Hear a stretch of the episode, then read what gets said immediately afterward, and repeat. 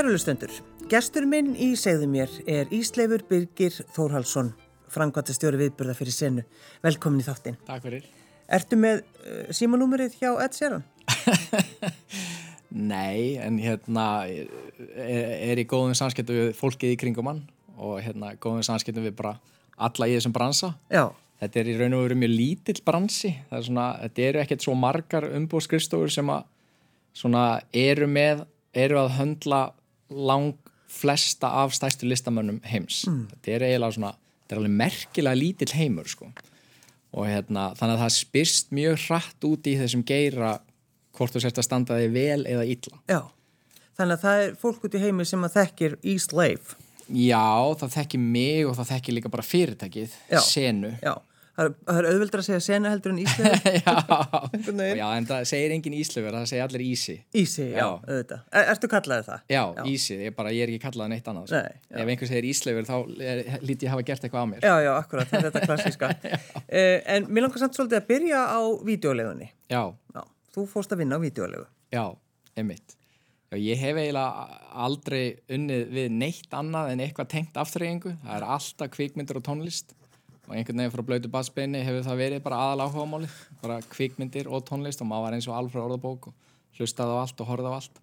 Og ég, man ekki, ég held ég hef aldrei verið í nefni unglingavinnu. Það er þess að frendi minn er Steinar Berg og hann var náttúrulega reyka sitt fyrirtæki þarna þegar ég var lítill. Já, og ég fór bara að vinna hjá honum á vídeolegu í mjöttinni og plötubúið í Glæsibæ og þannig ég hef bara aldrei unni við neitt annað heldur en bara tónlist og kvikmyndir. Já, basically. Já. Samt fór ég í Vestló og Hagfræði sko. Já, en er ekki gott að hafa hagfræðina í þessu, þessum business sem þú ert í? Jú, jú. Eins og það er svona, ég, ég er fiskur þannig að þetta er eitthvað svona, tóast eitthvað á. Já, eitthvað aðeins. Að vera svona, þurfa listina og sköpunina og eitthvað að vera að búa til og skapa en hérna get ekki fyrir mitt litla líf hérna, spilað á hljóðfarið að dansa eða sungið en eitt svoleiðis þannig að mér langar að vera í þessum heimi en ég hef aðra hæfileika en að búa til tónlistin eða búa til kveikmyndir Já, já. þannig að ég, ég nýtist vel hérna baksviðs að skipulegja og Já. láta hlutina gerast Já, nákvæmlega. En þegar maður sko vann á vídeolegu í gamla daga, Mhm. þetta var þannig að, að það, það, maður fekk hann að lána þig í eitt sólarring. Ég veit að það er hlustendur úti sem maður veit ekkert hvað við erum að tala um. en jú, eflaust. Sko, vídeolegur. Já, hug, hugsaðu þér. Eða þú hugsaður um þetta fyrir bara í vídeolega eins og maður, maður reynir að útskýra þetta fyrir börnunum í dag, hvernig vídeo þú veist þau eiga að byrja með erfitt með að skilja þetta. Já. þú veist þau eiga erfitt með að skilja sko línulega dagskrá. Já, já. þú veist að, að ef það er einhver eitthvað sem þið langar að horfa á akkur þarf ég að býða þar til klukkan verður eitthvað, íttu bara á play. Og hvað þá að reyna að útskýra sko í- hérna, í gamla dag, og þetta er nú ekkert svo langt síðan eins og maður sé að tala um einhverja fornöld Já. þá þurftur að keira á einhvern stað skoða þarna. Og svo kannski var hún ekki til myndin sem þú langar, þá áttu bara að horfa eitthvað annað eða fara á byðlist og Já, ringið þegar hún er komin inn. Og svo færði hana, keira heim setan í tæki og svo þarf þetta keira daginn eftir, fyrst bóla tilbaka og ef þú skilur þú seint þá borgar þú sekt Já. þú veist bara ef þú reynir að útskýra þetta fyrir einhverjum í dag sem er þú veist bara 15 árið yngri gangið þér vel Spóla tilbaka. spóla tilbaka annars ertu skammaður Já. já. vinsalega spóli tilbaka Já, það var oft, var það ekki límt? Jú, það var limmið, vinsalega spóli tilbaka Já. Þetta, minnst þetta æðislegt. Þetta er ótrúlegt Og svo akkurat þetta að, að vinsalistu myndirnar Já. og maður hefði mitt beigð eftir hinnu ægilega símtali var Já. búin að poppa, Já, allt tilbúið, hún er komin. hún er komin, einmitt, nákvæmlega en, en þetta var svona, þetta var krútlegt að, að mæta inn í plötubúið að mæta inn í vídeoли og fá ráðleggingar hjá staffinu og halda á einhverju spólu, hvernig er þessi? Já, já, já. og svo eiga spjall við eitthvað fólk er þetta svona var sam- krútlegt Já, ég minna það er ein vídeolega hér, er það ekki, í Reykjavík, ég held að, ég held hún sé ennþá, A, er það aða, Já, ég- neyri já, bæ?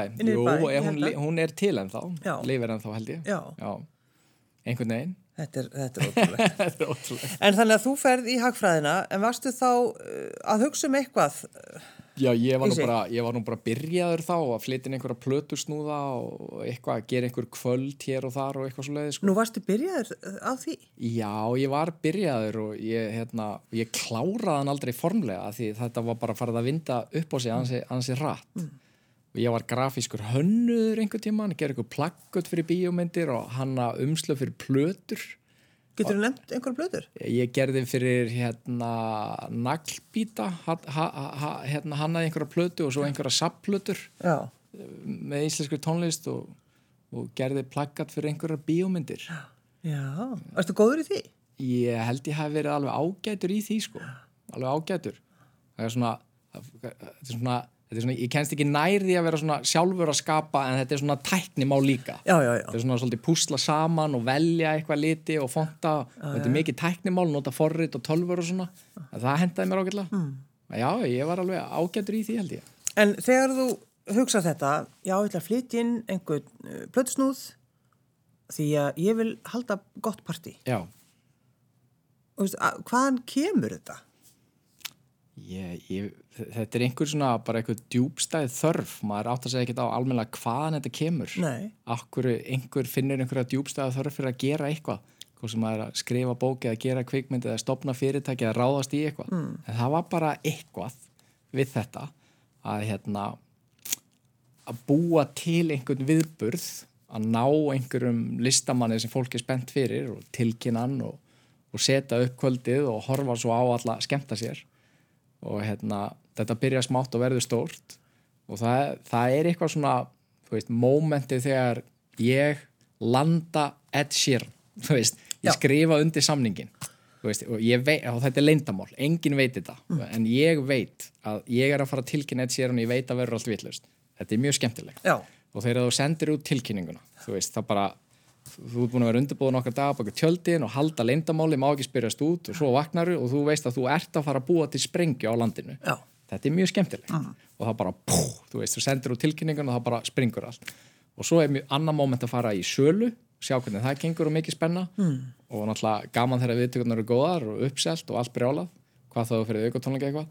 Og svo er það bara momentið þú veist, þegar maður er einhver staðar niður á lögadalsvelli einhver staðar til hliðar, einhver staðar uppi og horfir á 30.000 manns trillast þegar Ed Sheeran gengur á svið bara svo tilfinning fyrir tónleikahaldaran og þá sem að þessu standa, hún er mjög sérstök. Og bara það, það eru þessi moment held ég sem að svona keira þetta áfram. Og á bakvið þessi moment er náttúrulega, þú veist, eins og bakvið Ed Sheeran er tveggjára að vinna. En hvernig dattir í huga halda það að þú gætir fengið Ed Sheeran til Íslands? Já, það er svona einhver kannski 15-20 ára aðdraðandi að því. Það byrjar á þessum plötusnúðum og, hérna, og þú hefur einhverja þörf fyrir að standa í þessu og svo hérna náttúrulega var ég alveg duglegur að fara á tónleika á Íslandi og það verður að segjast eins og er að, að þeir voru ofta ekki drosalega vel gerðir. Uh, aðilar sem að hérna voru að gera tónleika bara svona uh, on the side eins og eitthvað hobby. Þetta var ekki aðalstarfið þeirra. Þeir eru ekki beint með fyrirtæki. Up and running í kringum þetta. Það er ekki verið að halda tónleika daginn út og daginn inn Náttúrulega eina leginn til að verða virkilega góður í einhverju er bara að gera það aftur og aftur og aftur og aftur og þú ert alltaf að verða betur og betur og betri út að gera mistök og taka þína leksjur og það var ekki þannig og þannig að það voru kannski einhverju aðilar sem að kannski náðu öðru hvori einhverjum stórum nöfnum. Og það gekk ekkert rosalega vel stundum En varst þú þá alveg, fylgdist þú, já, þetta er nú, voðalega er eitthvað illa skipulagt. Varst þú, varst að skoða það eða, Já, Já. Já, ég var bara þarna og var bara, þetta er ekki gott. Nei. Þú veist, hér er ykkur, þú veist, risa stór listamæður og fólki líður bara ekki nógu vel. Það er bara ekki nógu auðvelt að komast að húsinu, inn í húsið. Þú veist, það er ekki nógu góð loftræsting, fólk kemst ekki að bari, kemst ekki að klóstið. Þetta er bara ekki nógu örugt og þægilegt, þetta á ekki að vera svona. Mhm. Og það er bara eitthvað sem kveikir í mér. Það er bara hægt að gera þetta betur. Og, og maður bara fór að stað. Og, og hérna, Að því ég nefndi náttúrulega Ed Sheeran, sko, við þurfum eiginlega að- einmitt að, að bakka. Að því að, sko, það, það fyrsta, svona fyrstu stóru tónleikandi sem þú gerst, Hva, hvaða tónleika voru það? Sko það voru tónleika með sjúkabibs þá, þá fór maður úr því að gera eitthvað kvöld og plötusnúða á einhverju skemmtistöðum og börum og svona. Yfir í að maður náði að sannfara einhvern umbóðsmann um að gefa sér séns að það er alltaf erfitt að komast að staði í þessum bransa því umbóðsmanni segja alltaf hvað hefur gert áður? Já, já, já. hvernig á maður að komast að stað? Og hérna ég bara náði einhvern veginn að samfara þennan umbóðsmann um að gefa mér séns á þessu. Ég gæti alveg gert þetta og hann gerði það. Og þá var þetta alveg sjóðandi heitt band. Og þetta var í lögallarsöllinni og allt í einu var maður þá komin í einhvern 5.000 manna venju með mjög heitt bara popband. 5.000 manns. já, lögallarsöllin tekur 5.000 manns og salan gekk bara vel. Já. og það var bara mikil stemming og gekk vel gekk nú á ymsu baku tjöldin sko að því að þær voru ekkit aðeinslega góðar vinkonur og þetta band livði nú ekkit lengi en það er nú annu saga Já, auðvitað. Já, náttúrulega að spyrja þig alls konar svona. Já. En maður fá að vita allt, gossipið. Já, ég verði að fara að valla í það en, það. en, en þetta er svo langt síðan að, hérna, Já, þannig að þær voru í rauninni, bandi var í rauninni að, að bara hætta og já, þær var, voru að rífast. Já, það var smá tókstreita baku tjöldin milli, milli stúlkrana í bandinu og það var smá svona dramatík og hérna, það þurfti að hafa þér á sikkur staðnum og eitthvað svona ímislegt Og varst þú inn í því alveg? Varst þú að hoppa og skoppa hann í kringum þær? Já, auðvitað er það meira svona útlendingarnir sem eru næst þeim sem Já. Mm. að sjá um það og þau eru kannski að tala við mann um eitthvað svona að það er að hafa þetta svona og svona og svona Já, já, svo verður maður svona var við þetta aðeins að það er eitthvað vesen þarna og svona en neini, það er ekkit, ekkit sem að var eitthvað að gera okkur lífið neitt sérstaklega erfitt en við svona verðum var við ákveðna. Já, svo var bara svolítið skondið, þú veist, einhvern tímann ekkit löngu síðar þó að það verið stó, stóru og sjóðandi heitar þá voru þær hættar en þetta var það fyrsta og þegar þú einmitt getur þá sagt það þegar þú vilt fá þann uh, næsta. Já, þá er eitt svona gig komið á, á hérna, CV, að næst þegar ég spurður hvað hefur gert, þá get ég minnst sagt Sugar Babes Já. og það er þá eitthvað. Mhm. og svo náðum maður sambandi við einhvern annan umbóðsmann og, og við náðum að landa Lou Reed og það var líka í höllinni og, og það gekk bara vel. Hérna í, það, þá sko misreiknaði ég minn og aðeins varandi peningahliðina þannig að þeir komu nú ekkert æðislút peningalega en tónleikarnir voru stórkostlegir þannig að ef það kom eitthvað út í Babes þá pst, hvarf, hvarf það hann í næsta kikki Já. en á þessum tíma er mann alltaf samt bara að byggja upp orðsporið og, og læra þetta og þannig að þetta var mjög mikilvægt, ok, þá er ég komið með tvent. Næst er ég spurði hvað ég gert, það Sugar Babes og Já. og það sem var nú sérstaklega gaman við, við, Lou, við Reed er að hérna, maður var náttúrulega búin að heyra sögur um það hvað hann væri erfiður og kröfuharður. Og hann var það vissulega, hann var vissulega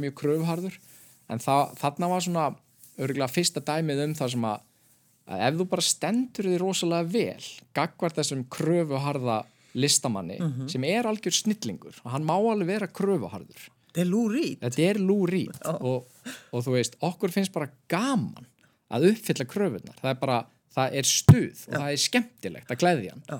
og, hérna, og það er okkar starf að láta honum líða vel á Íslandi og láta honum líða vel baksviðs svo honum líða vel á sviðinu svo hann gerir góða tónleika. Og áhörundur finna það alveg og, það, og þetta hangir allt saman. Þú veist, þú þarfst að láta áhörundur líða vel með svona grunnatriðin eins og bara að geta lagt bílnum og komist inn í húsi komist á bar og það er loftartik og það er pláss og það er ekki búin að hleypa mörgum inn og, og það er mikið að gæslu eða þið vantar aðstóð þá er einhver til aðstóði gæslanarn er ekki til að snúa fólk niður heldur til að þjónusta fólki það eru merkingar út um allt og þetta vel skipla og svo baksviðs þá þarf að gera listamann ánaðan og svo upp á sviðinu verða til einhverju töfrar. Já. af því að það er allt gott og öllum líður vel og það sem var sérstaklega skemmtilegt við Lúrit er að hann var alveg í skíun veist, hann kallaði í mig eftir tónleika hann bara, herrðu, hann vil tala við þig. Og maður er bara, oh shit. Hvað hva gerði ég og, ráð? og hann sagði bara ég hef bara aldrei á ævinni verið jafn ánæður og glaður. Þetta er allt fullkomið og bara ekkert gæti verið betra og þetta er æðislegt. Og ég gaf allt af mér í þessa tónleika sagði hann við mig, mm. veist, ég er bara einhver strákur á Íslandi en hann kallaði til mín og, og það sem að hann var líka þekktu fyrir var sko spila ekki vinsælu lögin. Hann nennir ekki að spila alltaf stóru lögin en hann fór í allt. Þú veist, árundu fengu allt. Það var í alla hittar og ekkert skilði og hann kallaði í mig og saði mig þetta. Svo hann er svo gladur, hann skildi allt eftir á sviðinu, gaf allt í þetta. Svo framlengd hann bara dvölina um nokkra daga og við vorum bara eitthvað að chilla með honum og fara í bláa lónið upp á fjöll og eitthvað. Já. og hann hafði enga trú á bláa lóninu hann er svona, hann sagði "Það- getur ekki verið að, að þessar auglýsingar og allt þetta bull sé rétt. Og svo fór hann og hann bara kom, kom upp og sagði bara, þetta er stórkostlegt. Já. og hann fór aftur og aftur og aftur og hann bara leit út fyrir að vera tíu árum yngri þegar hann fór af Íslandi sko. og svo fór ég einhvern veginn í matið hann þá var hann svona, þá var hann svona með svona hugleðingar sko nú segja allir allt sér frábært og bláalóni segja þetta sér stórkostlegt. Svona hvernig geta þið komist til skila þetta sé rétt þetta er actually rétt Já. maður bara húðin og allt hann trúði þess ekki þetta væri bara eitthvað bull Já. auðlýsing á þvaður Auglýsinga þaður. Já. þannig að þetta var mjög skemmtilegt En þetta voru, þá ertu komið tvo já, og sá þriðji sem þú landaðir í sig. ég ma, ma, sko, þá fór þetta bara að rúlla. Já, veist, já, já, þá er þetta bara farið að rúlla og þá erum við bara að gera minni tónleika stærri hér og þar og uppistand og erum svona að fikra okkur áfram hvað virkar. Við erum að taka inn alls konar sýningar þú veist, jackass og hitt og þetta og bara alls konar tónleika. Og ætli það sé svo ekki svona næst stóri vendipunkturinn er þegar við tökum Eagles skömmu eftir bankarun og þá er það bara fyrst, fyrstu tónleikarnir eftir allt hrundi. Og svo vorum við auðvitað farin að halda líka að taka íslenska tónleika. Við vorum að gera íslenska stórtónleika eins og við gerðum hérna Villa Vill tónleika í nýju höllinni í miður bankarunni sem var mjög sett bara í vikunni. Já. bara þegar bankanir allir fjalli bara dum dum dum þá heldum við tónleika á laugardeginum. já Góð tímasetning. Og náttúrulega auðvitað var líka svona vendipunktur, þú veist, ég var bara einirki fyrst, en fer svo inn í senu fyrir já, já. 15 árum og þá var komin inn í stærra fyrirtæki og þá er hægt að byrja að taka þetta á annar level. Mm.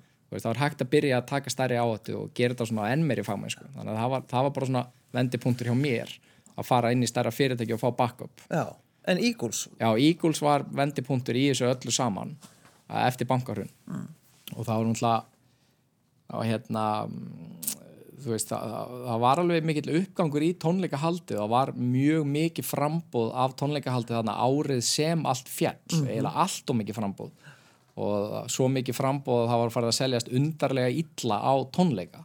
Þú veist, ég held að á einhverju einu ári var það eitthvað grítens klirvotir og eitthvað endalaust stórt sko. Og svo kom að Paul Simon og hann rak lestina. Já. og þá held ég að Paul Simon hafi selt minna heldur en Paul Simon tribute tónleikar ári á undan það seldist meira á tribute tónleika heldur en á mannin sjálfan að- það er af rosaleg. því að það er náttúrulega stöðut viðfærsagni hjá okkur að sko overflotta ekki markaðin Nei, nei. að því að markaðurinn þólir náttúrulega bara ákveðið mikið og þú getur, þú, þú, getur mjög auðveldlega verið með það marga tónleika að það bara, það, þú veist hann ætti að selja svona mikið en hann selur bara svona allt og mikið sko. Já, já, já. En, en þetta voru sérst svona hérna, fyrstu stórtónleikanir eftir hrun og örgulega eitt stærsta band sem hefur komið til Íslands og mjög þekktir fyrir að hérna, gera rosalega vandaða tónleika og þeir þurfa að slatta pening og mikill kostnaður og svona. Og þetta er held ég eitt söluhæst og vinslasta band heims bara allra tíma, margir sem við hérna, gleyma því eiginlega hvað þeir eru stórir sko. Og hérna já við erum að koma þann út í bankarhruninu og allt í klessu og ge náttúrulega gengi búið að falla og svona. Þannig að við þurftum að setja fram eitthvað svona miðaverð sem voru svona hálf sjokkerandi að við þurftum að taka eitthvað nýtt gengi og nýjan veruleika bara svona í einu stökki. Svona allir aðrir voru búin að vera í rekstarnu tíman þetta er svona hægt og bítandi svona eitthvað en við bara svona púf þurftum að taka eitthvað svaka stökku upp þannig að miðaverð var miklu hærri fólk við sér áður. Og við borguðum líka þeim fí sem að var miklu hærra en nokkur hafi borga áður á Íslandi fyrir listamann. Þannig að við tókum miklu meiri áhætti en nokkur hafi verið til í að taka og margir sem sögðu að við værum alveg snar vittlausir. Mm. Þú veit að kemur út bankarhinu einhver nýr veruleiki og svona á ástand, þú veist, hvað, er þetta að fara að ganga?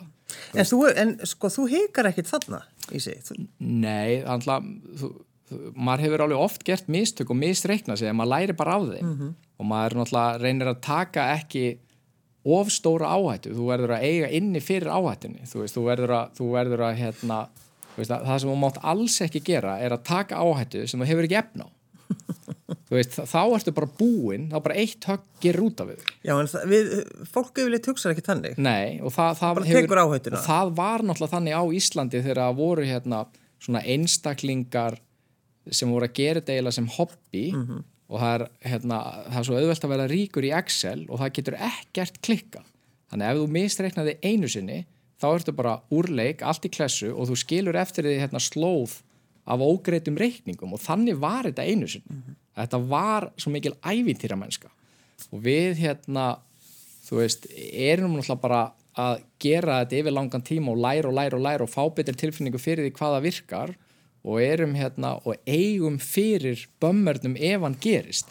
Við, við, erum, við erum auðvitað bjart sín og höfum trú á því sem við erum að gera en við förum í þetta meðvituð þetta er áhættan, Já, já. þetta er það sem við gætum tapað. Og við verðum að geta lifað áhættin af. Þannig að þegar þú misreiknaði þá bara tekur höggið og heldur áfram að læra af því. En, en það hefur náttúrulega brunnið við hérna áður fyrir að eins og ég segi, menn bara áttengan sens á að halda tónleikana almennilega nema þeir myndu selja rosa vel. Og það er stór hættuleg og, hvern- og, og það er þá líka sko við tökum ábyrðina þú getur mögulega misreiknaði það illa að miðaslega fer það illa á stað að það er bara best að hætta við. Þá er bara best að hætta við strax og afbóða og endurgræða með hana. Við bara gerðum hérna stórkustli mistök. Svo getur líka vel verið, það er svona ágætis meðasala en við erum samt í tapi. Við erum samt að fara að halda tónleikana og ekki slá af neinum gæða kröfum þú veist, það er engin niðurskurur á kostnaði, það er engin sparnaður í græjum eða gæslu. Við hugsaum alveg jafn vel um artistan hugsaum alveg jafn vel um áhörendan við tökum á okkur tapið, höldum bara áfram Já, já, já. þetta er bara cost of doing business þannig að það bytnar aldrei á gæðin tónleikana og við séum að tapa Nei, nei. En sko, hver, hvernig gæti dotti það í hug í sig að, að, að já, fáum Justin Timberlake? Já, ah, hvernig kemur hann ekki til Ísland? Þú veist, maður- ég er ofta að hugsa bara hvernig, hvernig dottir það í hug? já, þetta er bara þú, þú, þú ert alltaf alltaf til í meira, þú ert alltaf til í næsta skref, þannig að þegar þú ert búin að taka þessa Eagles áhættu og margir segja að það sé geði ekki og Já, það já. selst upp á einum degi. Og við náðum að halda Eagles tónleika. Og við lærðum mjög mikið af Eagles, veist, þeir eru svo rosalega pró og allir í kringu það og bara við vorum bara ok, svona á að halda stórtónleika og þetta er svo mikill lærdómur. Og þá ertu bara tilbúin í næsta skref og, og þú ert vilt alltaf fara upp á við. Já, já.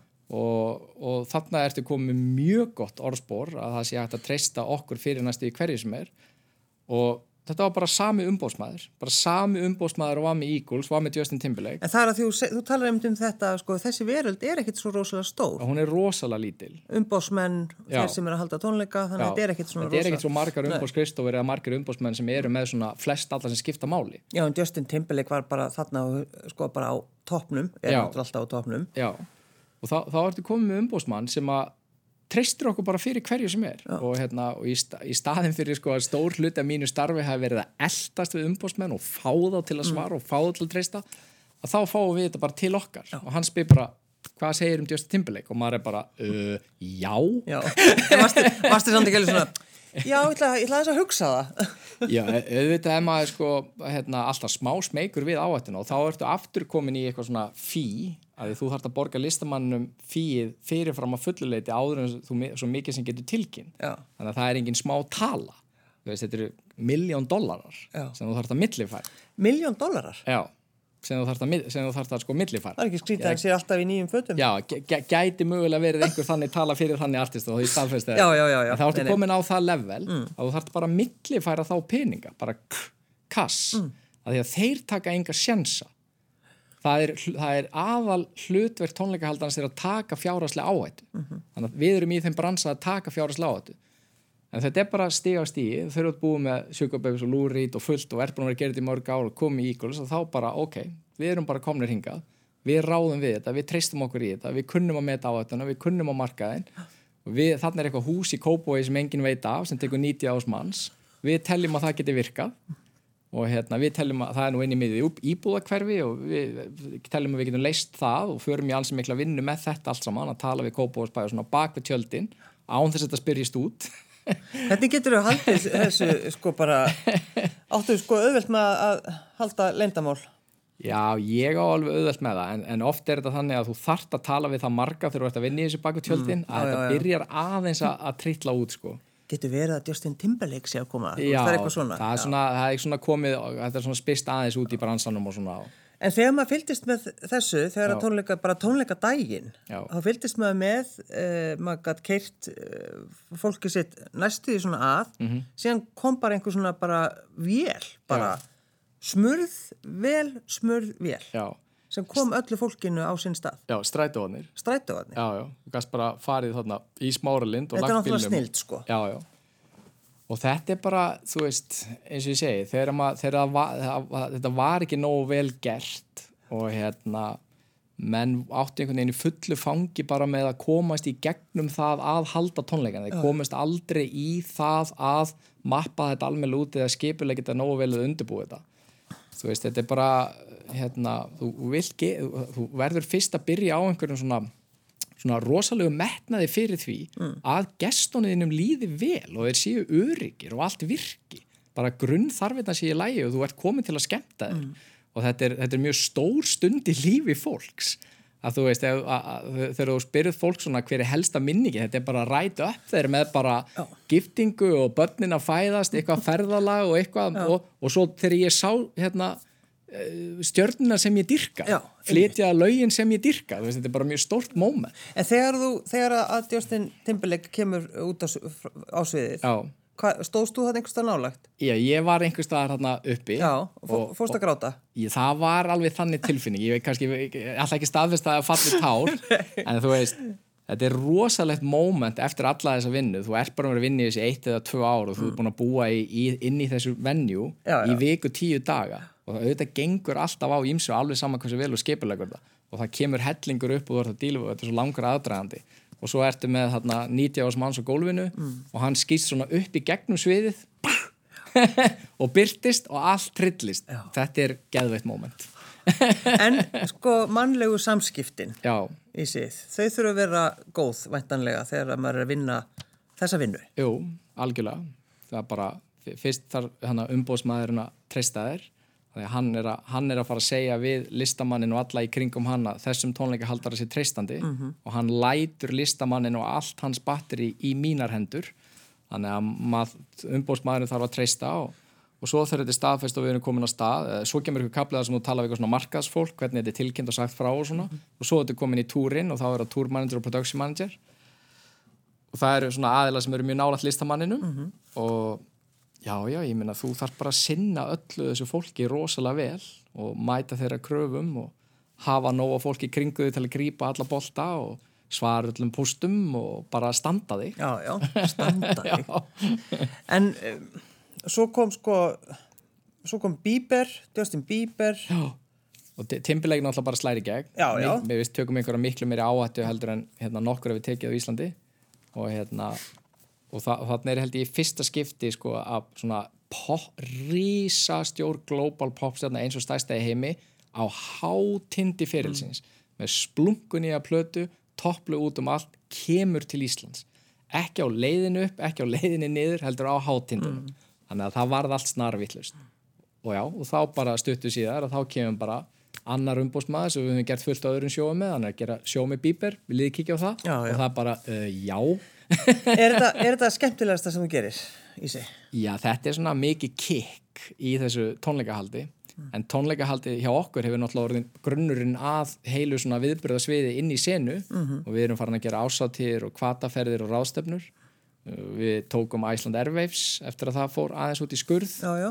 og við erum að gera Color Run og Gong Ho og fleira þetta byrjaði, byrjaði alltaf tónleikahaldinu Já, en þú ert sko, þetta verður alltaf í samskiptum við fólk og líka að þú þarft að hugsa hvað vill, hvað viljið við, Já. hvað vill fólk. já, Þannig að þú þarft alltaf að pæli því. já, ég, er, það, það, ég er alltaf að reyna að sjá fyrir hvað þið viljið Já, það, það er stóra málið sko og okkar aðal hlutverk er eiginlega að taka, taka fjárháslega áhætt eins og segi, fyrir utan alltaf skipulegja og markasetta og framkama og allt það. En þetta byrjar alltaf því að við séum tilbúin að taka einhver áhættu. Og þá situm við einhver staðar og, og, og erum að velta fyrir okkur spurningunni eftir að búa að drafta eitthvað budget og hvað þetta kostar og gera ykkur áallin eru Ísletingar til í að kaupa svona marga miða þennan dag á þessu verði á þennan listamann? Við þurfum að komast hinga til að ná break-even og ef það er einhver hagnað þá er það alltaf bara síðustu 10%, 10 miðanum sko. Þannig að við erum bara, það er alltaf stóra málið. Erum við, er, þórum við þessu. En hvað gerir þú þegar þú vilt bara kvíla þig og slaka á? Gerir þú það einhvern tímann? já, já, ég er, ég er orðin betri í því. Já, já, til hamingu. ef, ef, það er svona COVID það kemur alltaf eitthvað gott út svona krís með eins og COVID og Jú, það er verið erfitt og skrautlegt það hægðu allir á ferðina. Já, já, og hérna, ég, held að, ég held að svona flesti séu síður til í það að fara aftur í sömu geðvikina og ég held að það sé alveg þannig hjá okkur. Við erum svona búin að vera lengi við sem erum í þessu viðbyrhaldi svona endalösa tarnir og getum lent á hvaða degi sem er og eðilagt öll frí og alla hátíðisdaga og allt svona. Og ég held að við komum öll út úr svona reynum nú að halda einhverjum balans já, já, já, og allt er lega að taka tarnir ef við náum að anda þessin á milli. Þetta sé ekki bara ein törn á fætur annari En maður fær stundur svona pósta frá þér í sig og það er alveg, Andrea Bocelli ætlar ekki að koma. Uh, hann ætlar að koma, Já. en mér langar að vita, hvað, hvað er Andrea að pæla? Herra, hann verður bara í kórnum 21. mæ Þannig þannig að að það er bara komið, það er það, komið það er bara Já. staðfest það er staðfest, við fluttum hann á þann dag og það er búið að staðfest að hann kemur mm. að, og það er verið að lé- aflétta öllum hömlum hérna, það er ekki sem stoppar okkur í því Mm. og sama dag er Khalid, bandarís popstjarna og sjötta mæ er Trevor Noah með uppistand þannig að við, við náum í mæ að halda þessa mikið af þessum stóru viðbjörnum sem við erum búin að fresta fjórum eða fimm sinnum í gegnum allt COVID. Já. það sem er mjög gleðilegt er að fólk hefur í stóran stil haldið í miðana. Já, við vissum ekkert hvað var að fara að gerast þegar við lendum fyrst í þessu og byrjuðum að færa hvort að allir myndu skila eða hvað. En fólk eiginlega rík heldur í miðana. Það ætlar að fara. Já, já, já. það var búið að ákveða að fara og þetta er öruglega eitthvað svona sálrænt. Ég ætla ekki að gefa þetta frá Nei, mér. þetta er á ískapnum hjá öllum. já, ég ætla á Bocelli þegar COVID er búið. Já, nákvæmlega. En þegar þú ert að hitta þessar stórstjörnur og það er kannski einhver stórstjörna sem þú bara dýrkar, hvernig sko undirbyrði þig undir það?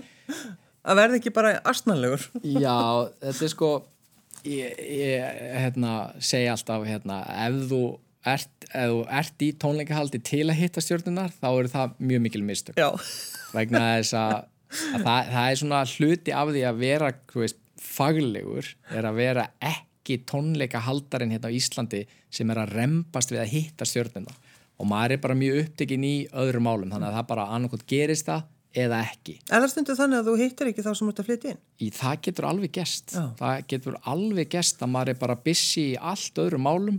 Maður svona sér þau kannski eitthvað staðar aflengdar en þau eru bara í prógrami, fólki mitt er að sjá um þau og fólki mitt er að tala við fólki þeirra. Og ég, ég get stundum verið bara á tónleikadag sko að fara yfir reikninga Já. með fulltrúum bandsins, ég er í settlementi. Þannig að ef þú allir í tónleikahald að því þetta er svo glamur og alltaf hitta stjörnuna, það, er alveg, það er alveg fatal mistök. Já. þú er bara í einhverju Excel-skjali og tala við lögfræðinga og tryggingamál og gæslu fólk og eitthvað svona og það, það er bara mitt starf, mér finnst það mjög gaman. En það er samt, veist, ég leti þetta samt gerast. Ég kom þeim til landsins og upp á svið Já, og já. það er mjög skemmtileg tilfinning. Já. og sannlega svona, það band, e- e- svona band sem ég dyrkaði einu, einu sinni og geri enn er Red Hot Chili Peppers. Mm. og ég náði að halda tónleika með þeim. Þá var ég bara eftir að halda tónleika með Pearl Jam og þá er þetta komið.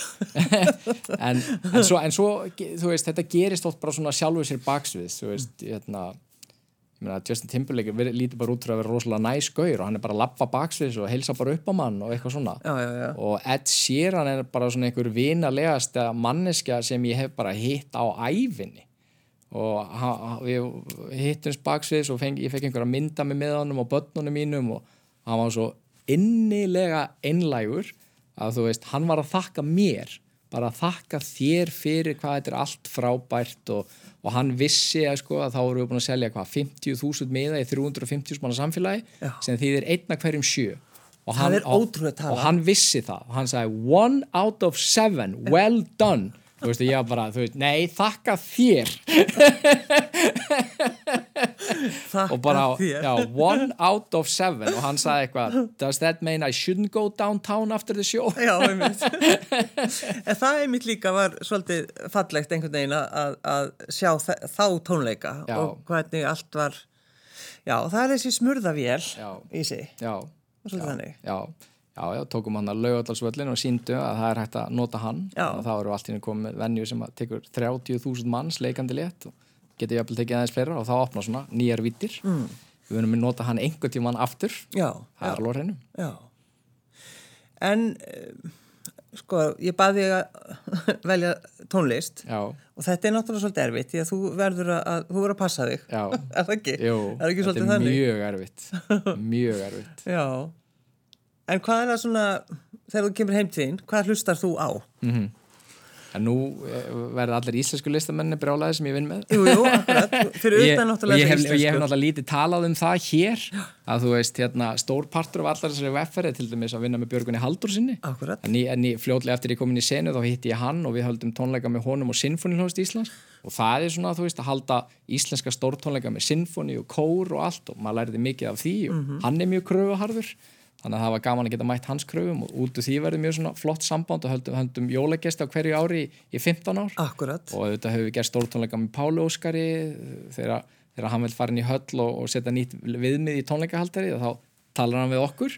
Þess á milli sér hann bara um sig sjálfur. Já, já. og saman með Helga Björns þegar hann vildi halda stór ammalis risatónleika þá kemur hann til okkar og, og við gerum það saman. Þannig að það, það er líka mjög skemmtilegt. Að við erum að gera fullt af íslengu tónleikum dýfur með Jóhann og Sölu og, og svo fórum við í streyminsbransin í COVID og allt það. Allt þetta, já. Já, já. En maður hérna... En þegar þú kemur heim?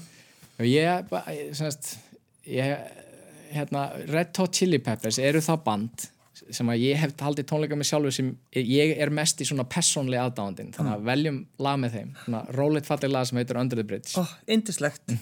Frábært að enda þetta á, á Red Hot Chili Peppers, Ísleifur Þórhalsson. Takk fyrir að koma. Takk fyrir kjalla.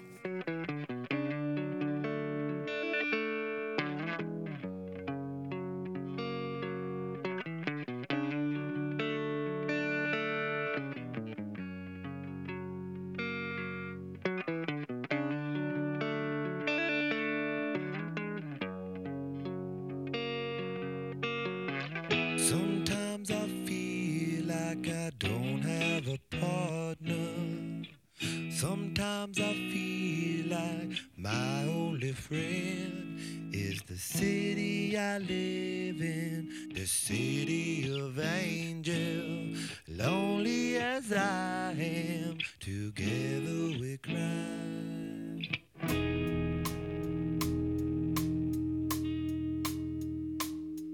I drive on the street.